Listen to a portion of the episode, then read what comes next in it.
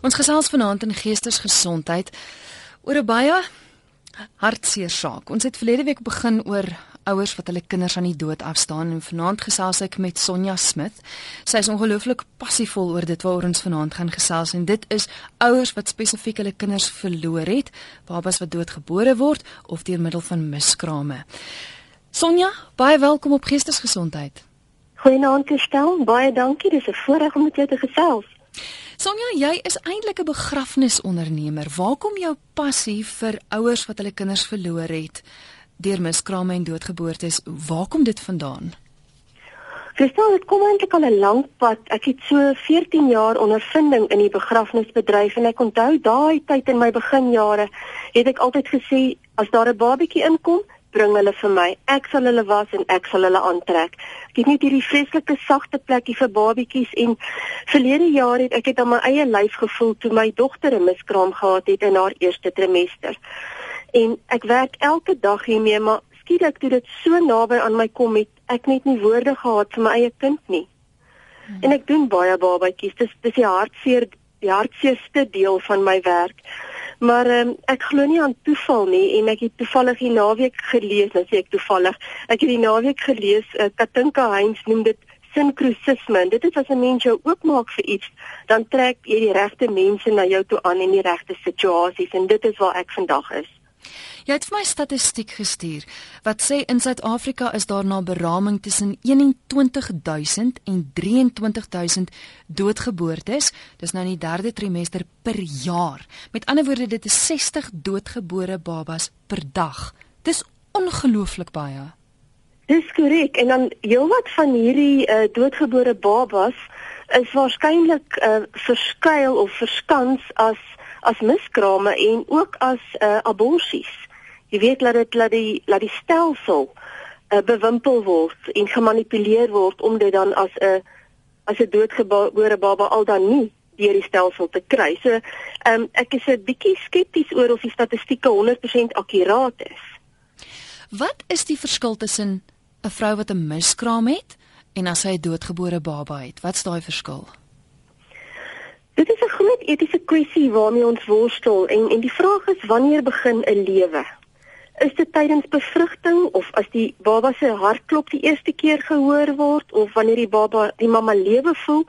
Dat die wêreld uh, gesondheidsorganisasie erken die lewensvatbaarheidsouderdom as enige iets tussen 20 en 26 weke post fertilization met ander woorde na bevrugting en dit beteken 22 tot 28 weke van gestasie of na die menstruele siklus. Nou in Suid-Afrika is die definisie van lewensvatbaarheid 26 weke van gestasie. So 26 weke vanaf die laaste menstruasie siklus terwyl 'n stilgeboorte of 'n doodgebore baba na 26 weke van gestasie sterf. So, ehm um, daar is nou nog 'n derde komponent wat bykom en dit is die ou babatjies wat net 4 weke leef na geboorte. Dan praat ons van 'n neonatale sterfte of 'n neonaat wat dan doodgaan. Wat word van van daardie fetusie wat deur 'n miskraam uitgewerk word en wat gebeur met 'n doodgebore baba? Verstel, dit is die groot hartseer waarmee ek worstel. Eerstens, ehm, 'n um, dokter, 'n mediese praktisyn hoef nie 'n kennisgewing van sterfte uit te reik vir 'n doodgebore baba onder 26 weke nie. So daar's nie 'n doodsertifikaat nie en derhalwe kan die ouers ook geen begrafnis hou nie. Geen ter aarde bestelling of verassing nie, want die liggaampie mag nie vrygestel word aan die familie of 'n begrafnisondernemer as die dokter nie geteken het nie. En daar's soveel teenstrydighede want alles hang nou net af van die dokter. Die een teken, die volgende een weier om te teken. So die uiteinde van die saak is as dit onder 26 weke is en die dokter wil nie teken nie want hy hoef nie te teken nie dan word hierdie ou liggaampies as mediese afval in die verbrandingsoonde verbrand saam met geamputeerde ledemate en baarmoeders en ander organe. En hierdie ding spook by my dit dit is net so onmenslik dat ons moet die wetgewing verander kry. So jy wil hê dit moet na 20 weke toe verskuif word Ek wil hê dit moet verskuif word dat dit in lyn is met wat die wat in die wêreld aangaan. Die meeste lande oor see is tussen 20 en 22 weke van gestasie as die afsny ouderdom. Maar ek wil dit verder vat en sê die ouers moet in alle gevalle 'n keuse hê. As die ouer dan die babatjie wil begrawe vir verskeie redes waarby ons later sal uitkom, dan moet daar nie 'n tegniese protokol wees wat dit verhoed nie. Want hierdie ouers, ek werk met hierdie mammas wat jare later nie sluiting kry nie. Hulle kan nie oor dit kom nie want daar's nie 'n lyfie nie. Daar's nie 'n grafie nie, daar's nie affies nie. Sonja, ek en jy gaan spesifiek praat oor oor die emosies waardeur ouers gaan want soos jy sê jy het ongelooflik baie te doen daarmee en jy sien wat 'n invloed dit op ouers het. Ek wil vir jou as luisteraar uitnooi om asseblief saam te gesels. Jy is welkom om 'n SMS vir ons te stuur. Miskien het jy 'n vraag aan Sonja. Jy kan dit stuur 3343 dis ons SMS nommer 3343 dit gaan jou R1.50 kos of jy kan 'n gratis e-pos stuur via ons webwerf rsg.co.za. Jy's ook natuurlik welkom om te skakel ateljee toe 089 1104553. Miskien het jy dit self in jou eie lyf gevoel en wil jy dalk graag met die ander luisteraars deel hoe jy dit hanteer het. 089 1104553.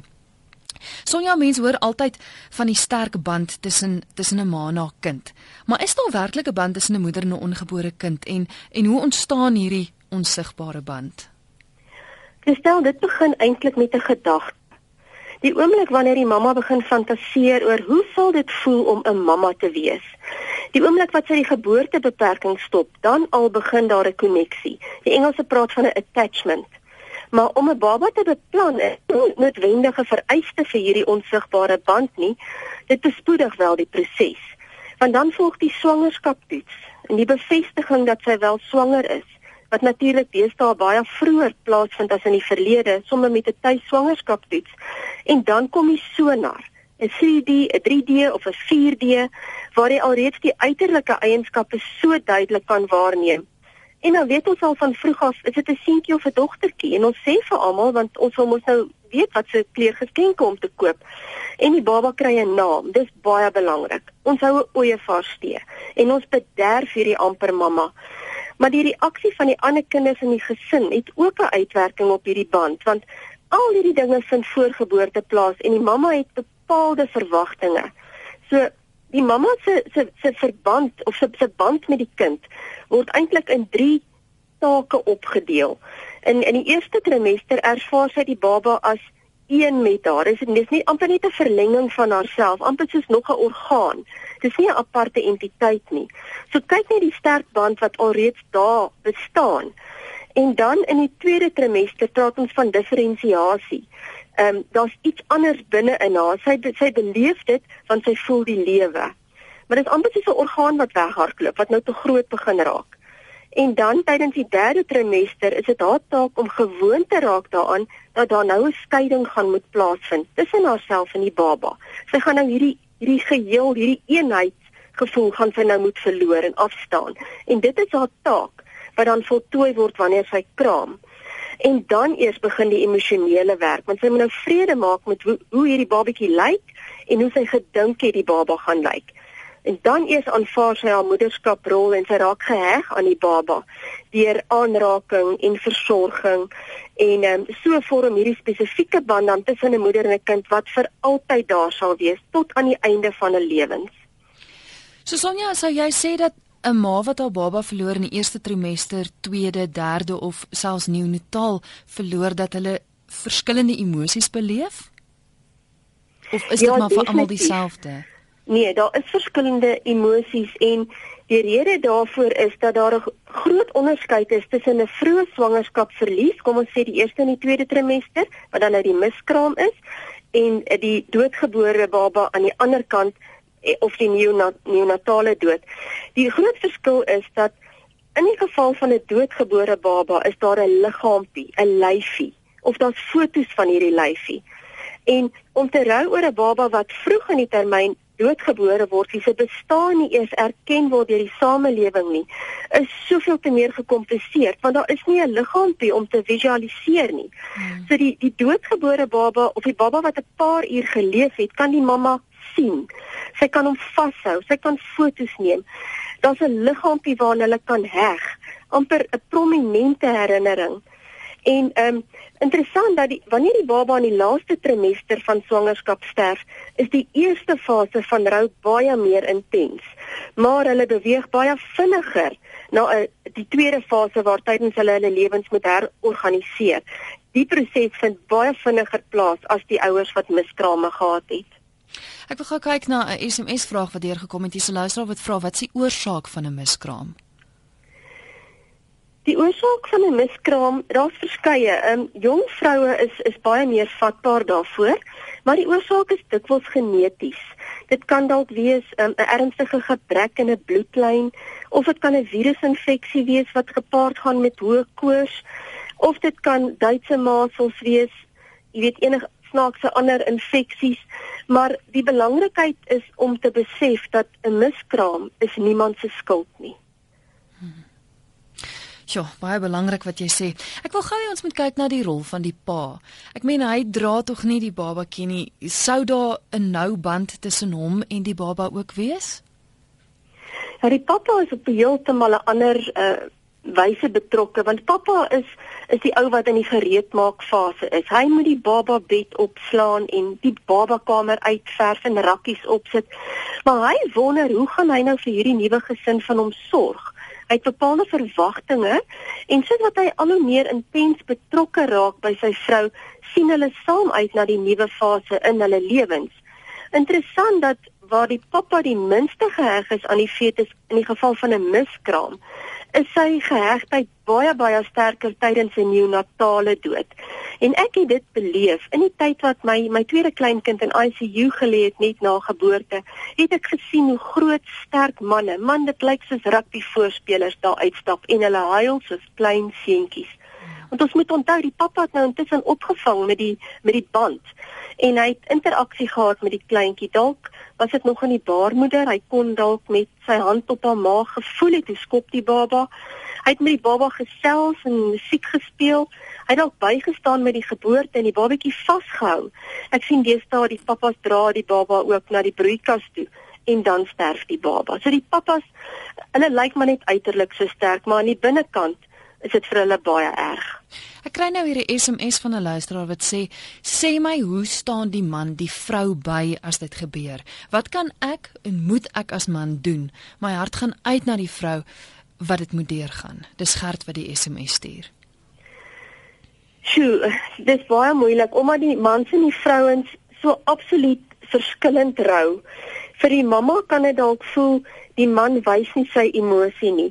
Sy dra alleen aan hierdie verskriklike swaar emosionele las en sy kan dalk tot kwaad word omdat die pappa nie doen wat sy wil hê hy moet doen nie. Maar ons moet onthou dat vir die mamma is daar um, soveel meer verliese hieraan gekoppel as net die verlies van 'n baba. Dis 'n verlies aan swangerskap.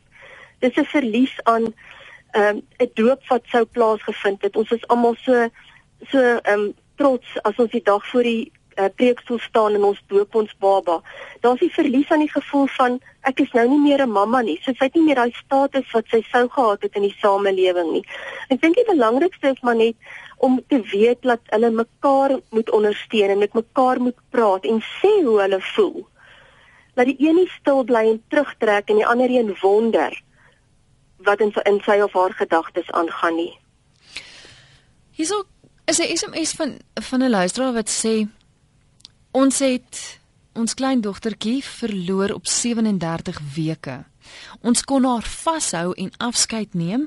Sy's begrawe en ek en my dogter kan haar grafie besoek. Dis 4 jaar later.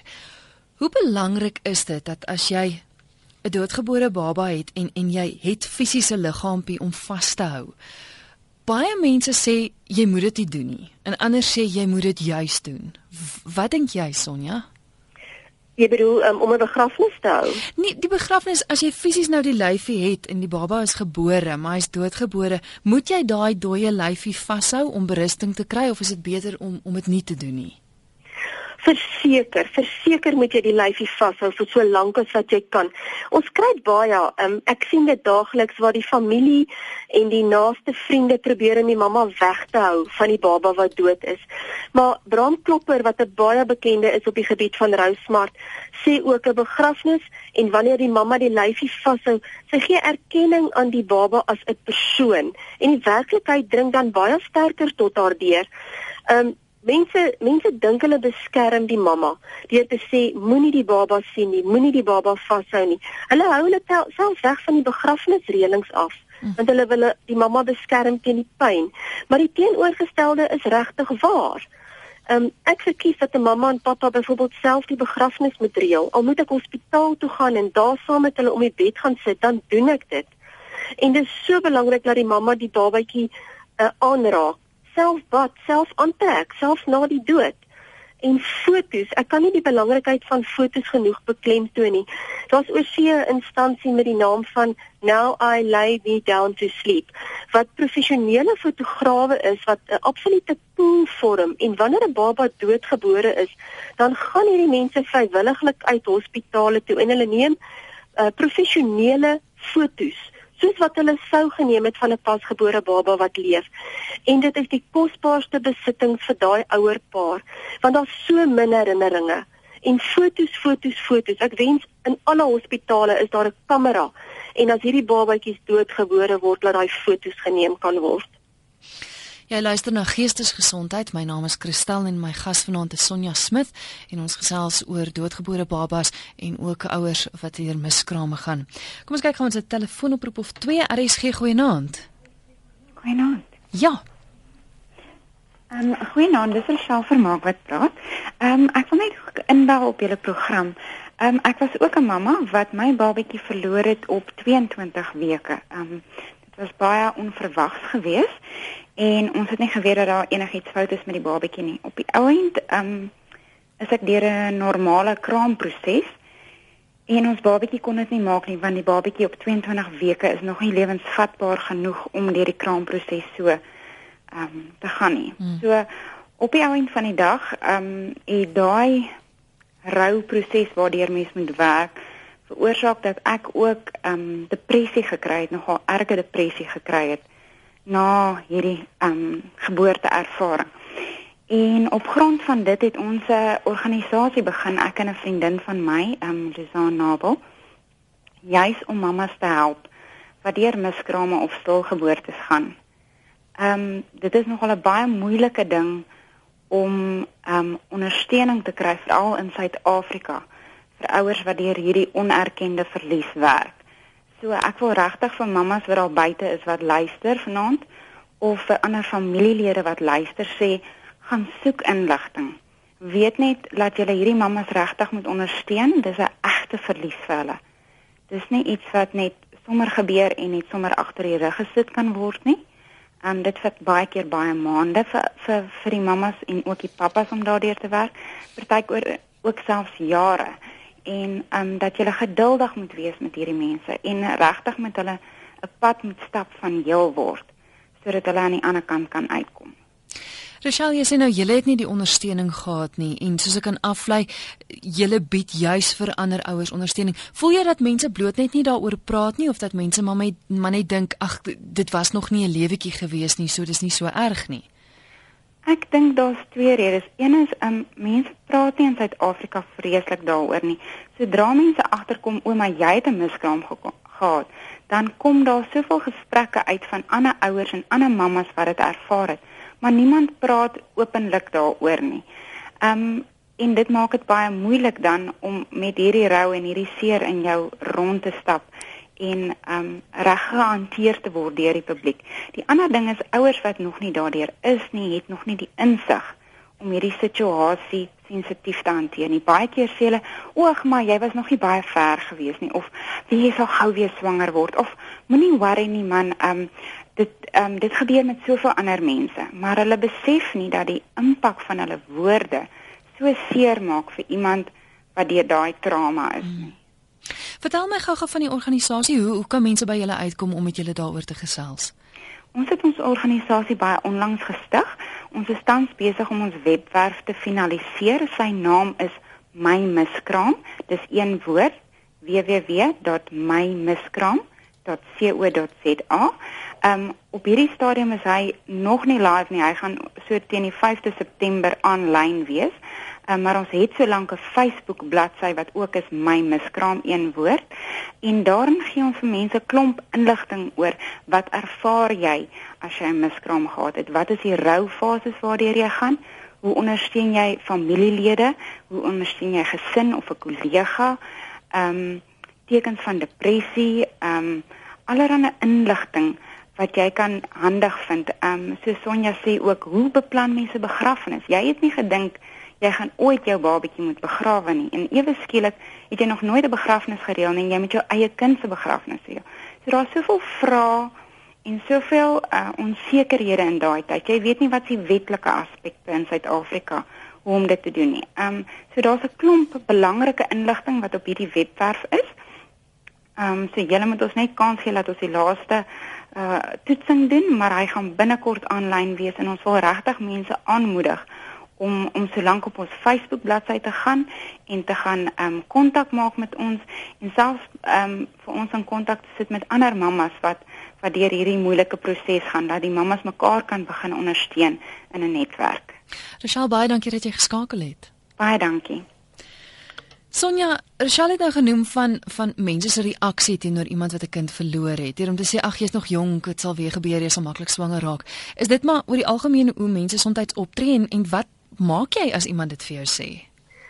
Ja, dit is eintlik hartverskeurende. Ehm um, mense dink hulle troos, maar hulle sê die verkeerde, onsensitiewe dinge en dit dit benadeel die mamma. Dit maak dat sy nie uiting wil gee aan haar rou nie. En ehm um, ek dink regtig mense moet liewer maar maar niks sê as hulle nie weet wat om te sê nie en maar net 'n drukkie gee of net sê ek is daar vir jou praat. Ek ek sal luister praat net hieroor. Dit is belangrik dat die mamma moet praat en sy moet huil en sy moet rou. Hier sou sy SMS wat deurgekom het van 'n luisteraar wat sê ek het my eerste baba op 22 weke verloor. Dit was vir my baie erg, maar ek het ook my enigste dogter op 21 jaar verloor. Dis baie erger want ek het my dogter geken, so sê Anna.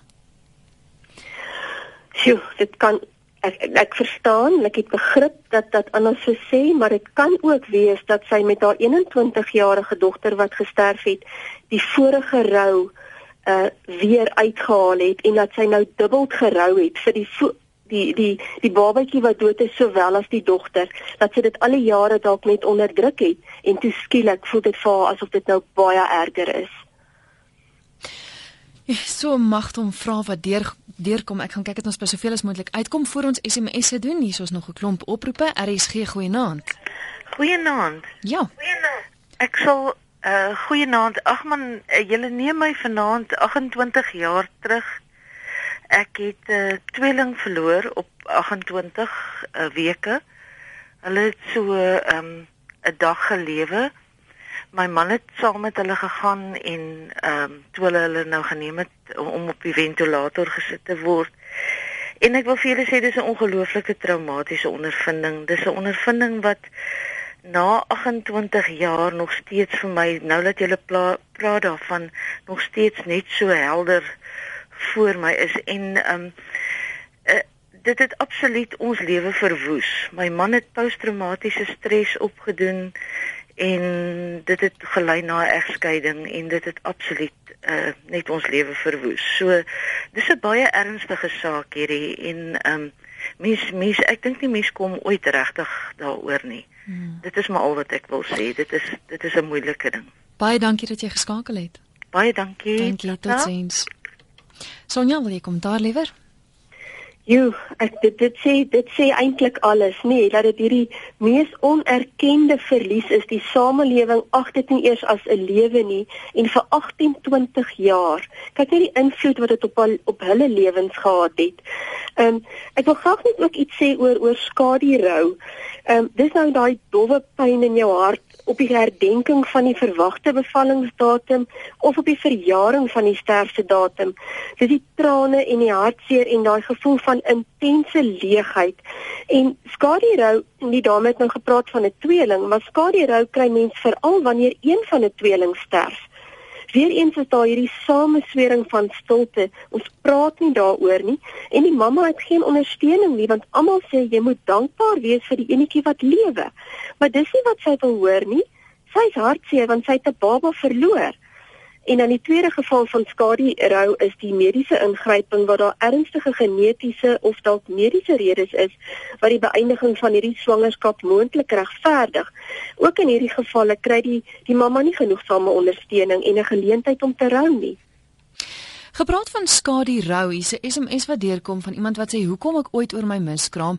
Ek het baba in die eerste trimester verloor. Ek was okay, maar nader aan die due date het als te veel geraak en ek het 'n sielkundige gaan sien. Ek het net pas oor als gekom, maar daar verloor my vriendin haar baba en ek beleef als weer van voor af. Is dit ook 'n mate van skadu rou? Ja, ons kry dit veral um, kort na 'n miskraam wat 'n mamma regtig waar 'n sosiale geleenthede vermy waar daar ander mammas is wat swanger is. Ehm um, ek dink nie 'n mens kom ooit daaroor nie om die vraag te beantwoord. Ek dink jy leer maar net om met ter tyd daarmee saam te leef. Maar jy sal nooit nooit nooit oor 'n miskraam kom nie. Dit sal vir altyd deel van jou bly, soos wat die uh, mamma se pas bevestig het wat 28 jaar later dit onthou asof dit gister was. Hoe gou moet 'n mens weer probeer om swanger te raak? Ek weet baie maal ons het nou-nou gepraat oor wat mense vir jou sê, toe maar jy sal weer swanger raak en alles. Maar hoe gou is te gou om te besluit ons probeer weer? Ek was saam met my dogter toe uh, ons die ginekoloog gaan sien het na haar miskraam en die dokter het dit baie duidelik laat verstaan dat op 'n fisiologiese vlak moet sy ten minste 2 normale menstruasie siklusse deurgaan voordat sy weer daaraan dink om swanger te raak. Ek dink net ook dis belangrik om die die kind wat jy verloor het 'n naam te gee. Uh Bram Klopper sê ook in sy CD gesprekke oor rou na 'n miskraam, jy moet nou nie daai naam bære wat die kind sou gehad het en dit vir die volgende enetjie gee nie. Dis belangrik dat dat die ouetjie wat jy verloor het sy, sy geregmatige plek in jou gesins ehm um, hiërargie het. Ehm um, as jy byvoorbeeld 'n baba, jou tweede kind verloor het op 38 weke, dan bly dit vir altyd jou tweede kind. Sou jy weer swanger raak, dan is dit eintlik jou derde kind. Hmm. Jy het nie twee nie, jy het drie. Ja. Waarvan die een dan dood is. Er is geen goeie naam. Goeienaand Christel, dit is Lisanne wat praat. Goeienaand Sonja. Hallo hier het ons ontmoet. Sjoe, um, dis lekker om jou net ontmoet. Rochelle het bietjie vroeër gepraat uit van my geskinder. Maar dit is my voorreg om in te skakel. Um ek is 'n beraader, jeugwerker en ek en Rochelle het saam met die my miskraam gestig. En ek het so 2 jaar terug deur 'n miskraam gegaan en as gevolg van dit het ek organiserings of ondersteuningsstelsel basies begin. En met die tydperk wat verloop het, het ek net soveel vrouens te doen gekry wat so sukkel om oor 'n miskraam te kom. Wat so sukkel om dit te verwerk want hulle verstaan nie wat emosioneel met hulle gebeur nie. Hulle verstaan nie dat hulle moet rou. Hulle verstaan nie dat daar, hoe sal ek sê, dat daar 'n routydperk moet verloop nie. En die hartseer van alles is die samelewing laat hulle nie altyd toe om te rou en om behoorlik te rou nie. Want almal sê vir jou, ag nee, dis oukei. Okay. Gaan staan op en gaan aan. Die lewe gaan aan. Die wêreld hardloop verby jou. En die mamma sukkel om sukkel verskriklik om by te hou. Want hulle hart het basies agtergebly toe hulle deur hierdie ongelooflike seer fase beleef het. So dink jy dis meer dat die samelewing verwag mens moet net aangaan. Die mammas wil nie noodwendig, mammas en pappas wil nie noodwendig nie, maar dis half asof die samelewing verwag jy moet. Dit is dit is presies die situasie. Weet jy, ek het met 'n dame te doen gekry wat vir my in soveel woorde gesê het. 7 maande nadat sy uh um uh hoe veel weke was om dit om te drink. Ek dink dit was 24 weke swangerskap wat sy verloor het. Het haar familie, haar direkte familie vir gesê, "Ag nee man, dis nou tyd. Kom oor dit.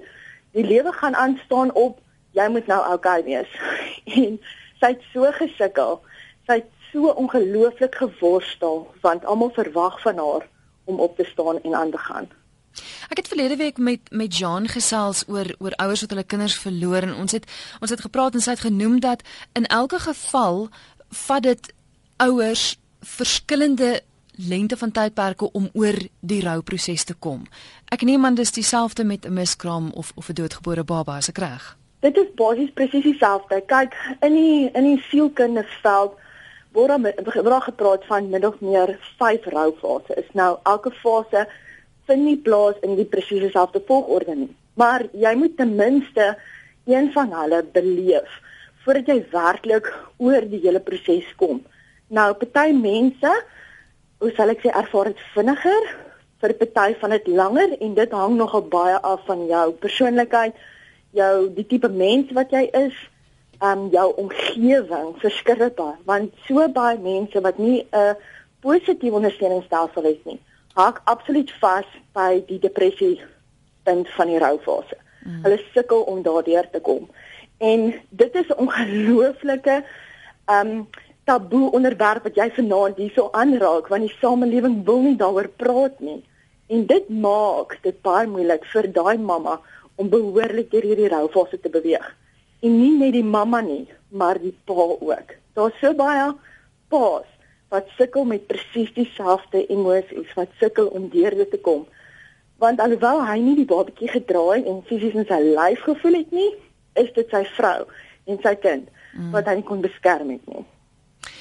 Ja, verskriklik dankie dat jy geskakel het, hoor. Hoorie Christel baie sterk. Hierdie is ongelooflik wonderlik wat jy doen. Die wêreld moet weet ons mag hieroor praat en dit is oukei. Okay. Daar's niks daarmee verkeerd as dit met jou gebeur nie. Ons moet net hieroor praat. Sterkte. Dankie hoor. Sonja. Is ons iemand wat vra, kan 'n vrou 3 tot 4 keer miskrame hê en wat veroorsaak dit? Ja, dit dit kan gebeur. Ek weet van vrouens wat tot 6 miskrame gehad het en en daar is statistieke, ek het nou net nie voor my nie wat sê wat is jou kans as jy 2 of 3 gehad het, wat is jou kans op verdere miskrame? Ongelukkig in die realiteit van hierdie lewe gebeur dit ja die kans die kans is baie skraal dat iemand wat een miskraam gehad het weer een sal hê. Maar hoe meer miskrame jy het, hoe groter raak die risiko. Dit is so. Maar hoe hanteer mens dit? Hoe maak jy as jy na 5 of 6 keer elke keer deur daai absolute trauma moet gaan? Ek dink dit moet verskriklik wees. Um, ek het nou onlangs 'n begrafnis gedoen van van 'n 'n babatjie en en die mamma se uterus het geskeur tydens die die doodgebore baba se geboorte en sy moes 'n noodhysterektomie kry en nou het dit so uitgegaan na haar toe want hierdie vrou sal ook nooit weer kan swanger raak en kinders kry nie. So dit dit is nou een van daai groot hartseer is is die mense met die baie miskrame. Ek dink dis wonderlike werk wat julle doen. En dit is fantasties om te weet dat dat julle die boodskap wil uitbring en mense hieroor laat praat want ek dink vir baie lank is daar nie gepraat hieroor nie. Dis baie waar. Um, ek het nou veral ek dink baie daaraan wanneer ek 'n babatjie uh, se begrafnis doen of mense werklik weet waar hierdie ouers nou moet gaan want jy weet hulle moet nou met leë arms huis toe gaan nommer 1 en wat gebeur wanneer hierdie mamma ontslaan word? Daar's 'n babakamer wat gewag het hmm. vir 'n babatjie. Ehm um, Die babakamer moet nou mee weggedoen word. Die baba bed moet opgeslaan word. En wat van al die geskenkies van die ooievaarsteen? Moet sy dit teruggee of moet sy dit bære? En die ergste vir my is altyd op die derde dag as daai mamma se laaste proses en dit gaan nou nie outomaties stop omdat die babatjie dood is nie. Dis geweldig traumaties en nou moet sy pille drink om hierdie melktjies te laat weggaan. Ja. Dis dit regtig waar um, ons sien wat praat. Dit is soos wat julle sê, dit is nog altyd hierdie hierdie agtertoe deure. Ons mag nie hieroor praat nie onderwerp en dit beteken dat die verlies absoluut nie erken word nie. 'n Miskraam word nie eens beskou as 'n lewe nie. Hier is nog 'n SMS wat deurkom van 'n luisteraar wat sê Ek het ook 28 jaar gelede 'n miskraam gehad op 10 weke. Dit was verskriklik om dit te ervaar. Toe die due date aangebreek het, was ek in 'n toestand van hartseer en rou en verbittering oor my verlies. Ek herdenk al 28 jaar elke jaar die due date van hierdie babatjie wat ek nooit gehad het nie. Niemand kan 'n mamma se hartseer verstaan wat 'n lewetjie verloor het nie. Die lewe gaan aan, maar jou groot verlies sal altyd daar wees. Ek dink dit is so waar. Dis nou daai gat in jou hart wat vir altyd daar sal wees. Ek wil net noem, um Oktober maand wat nou om die draai is, is bekend as die ek gaan dit in Engels sê, dis die International Pregnancy and Infant Loss Awareness Month. En dwars oor die wêreld, dis nou dat Suid-Afrika so agter is want wêreldwyd het hulle hierdie organisasies en hierdie steungroepe en hierdie wetwerwe vir mammas wat miskrame gehad het. Maar Rochelle is die eerste wat ek van weet wat werklik die inisiatief neem om miskrame aan te spreek. Nou op 15 Oktober elke jaar word dit wêreldwyd herdenk as die dag waarop ons erkenning gee vir alle swangerskapverliese en alle babatjies wat gesterf het. So um, my miskraam is is ek nou van Sonja se begrafnisgroep en Legacy Parks in Stellenbosch. Dis nou die die eerste groen begrafplaas in die land. Ons is besig om 'n funksie te reël, 'n herinneringsdag op 28 Oktober hierdie jaar. Dit is 'n Sondag en dit gaan 11 uur plaasvind by Legacy Parks, uh Wiesenhof daar naby Stellenbosch. En ons wil almal uitnooi vir al in die Wes-Kaap om die dag saam met ons te kom deurbring. Ons gaan 'n boom plant. En aan hierdie boom gaan daar strikkies wees met elke kind se naam wat as gevolg van 'n miskraam nooit nooit nooit hulle oogies op hierdie op hierdie aarde uh, oopgemaak het nie ons staproetes, daar is 'n piknikterrein. Dit is regtig waar 'n pragtige plek en ons wil graag die eerste van hierdie soort in Suid-Afrika wil ons dan Sondag 28 Oktober by Wiesenhof begin en dan wil ons graag probeer om dit 'n jaarlikse instelling te maak en ons wil dit nasionaal doen. En so moet die woord sprei en so gaan ons mekaar help en mekaar ondersteun. Ek dink is wonderlik. Dankie dat jy aan die mense 'n stem gee. Sonja net gou weer jou webwerf. My webwerf is www.sonjasmith.funerals.co.za en ek het 'n baie interaktiewe Facebookblad Sonja Smith Funeral Group. Um, en daar gee ek baie uh, advies en gedagtes en skakels en spesifiek uh, gemik op mense wat meer wil weet oor hulle rouproses en waar om te gaan gaan aanklop vir hulp. So mense baie welkom om daar aan te sluit en met my kontak te maak. My e-posadres is sonja s o n j a @ en dan is dit s s f g. Ek gaan hom foneties sê. Sierra Sierra Foxtrot Golf .co.za en asseblief almal wat miskrame gehad het, wat weet van vriendinne wat miskrame gehad het, maak met my kontak. Ek sal baie graag met julle wil gesels. Baie dankie vir vanaand Sonja. Dankie Christel, ek hoop ons gaan eendag 'n geleentheid kry. Absoluut. Goed gaan met jou hoor. Dankie. Totsiens. Dit is my gas dan vanaand Sonja Smit met wie ek gesels het en dit was oor hoe jy hoe jy oor die rouproses kom en hoe jy die reg het om te mag rou as jy 'n miskraam beleef het of as jy 'n doodgebore baba het.